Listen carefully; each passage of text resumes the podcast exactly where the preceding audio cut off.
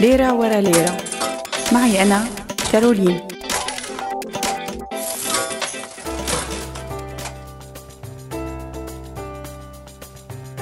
مرحبا.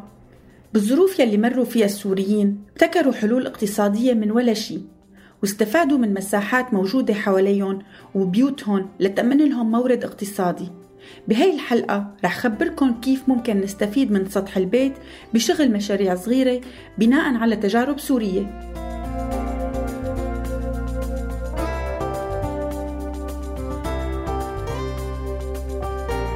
أول مشروع ممكن نعمله على سطح البيت واللي كتير من السوريين عملوه خاصة بالمناطق المحاصرة هو زراعة السطح. وتعتبر زراعة أسطح المنازل من الأفكار والطرق الجديدة لزيادة دخل العيلة وخاصة لما ما بيكون متوفر مكان تاني وإذا كان الشخص ذكي باختياره للمواد يلي بده يزرعها وفكر بزراعة بعض المحاصيل المطلوبة بالسوق مثل الليمون والبندورة والعنب والبطاطا والملوخية والفلفل واعتنى فيهم بطريقة مزبوطة بتضمن عدم تلفهم أو تعاكلهم بسبب الحشرات أو العصافير طيب ليش ممكن نزرع سطح البيت؟ أو بطريقة تانية شو ميزات زراعة سطح البيت؟ بالإضافة لأنها ممكن تكون مصدر ربح جانبي أو حتى أساسي في حال المحصول كان ظريف ومحرز. هي ممكن بالدرجة الأولى تكون مصدر اكتفاء ذاتي للخضار أو للأساسيات حتى لو لفترة معينة. وهي الطريقة ما بتتطلب نفقات ومصاريف كتير لأنه بقايا الأكل نفسه ممكن تتعالج وتكون سماد. بالحقيقة كتير من السوريين أنتجوا سماد مزروعاتهم بإيدهم من بقايا الأكل ومن مخلفات تانية. وبنفس الوقت زراعة الأسطح بتساهم بالحفاظ على نسبة الأكسجين بالجو خاصة مع كل التلوث يلي عشناه وعم نعيشه. وكمان شيء مهم جدا بالصيف إنه زرع الأسطح بقلل نسبة دخول أشعة الشمس للبيت وبالتالي بيساعد على إنه يضل البيت بارد. وهي ميزة مهمة مع قطع الكهرباء.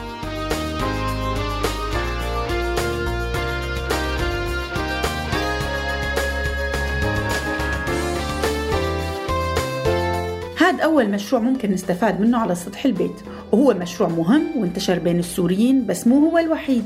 في كتير من السوريين عملوا على سطوح البيت ورشات صغيرة مثل ورشات خياطة وحدادة. فإذا كنتوا بتعرفوا مهنة وبتتقنوها فيكن جهزوا سطح البيت بالمعدات والأدوات اللي بتلزم وتشتغلوا فيها.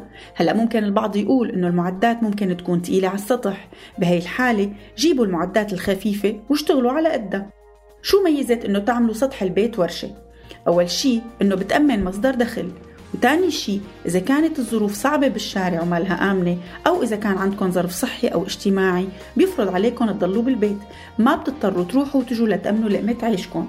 ثالث شيء ممارسة هي المهن بتسد حاجة المجتمع اللي حواليكم وبتخفف معاناته.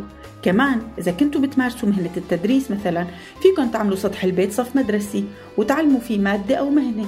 وهذا الشغل ممكن يكون تطوعي أو ممكن يكون مأجور. وبالحالتين هو بيسد حاجة أساسية بالمجتمع اللي حواليكم. بس هيك؟ لا مو بس هيك. في أفكار كتير لمشاريع صغيرة ممكن تنفذوها على سطح البيت بس تحتاج شوية بحث وتفكير والمعدات الضرورية. ولا تنسوا أنه طول ما الإنسان في نفس ما بتنعدم الحلول. سلام. ليرة ورا ليرة. معي أنا كارولين.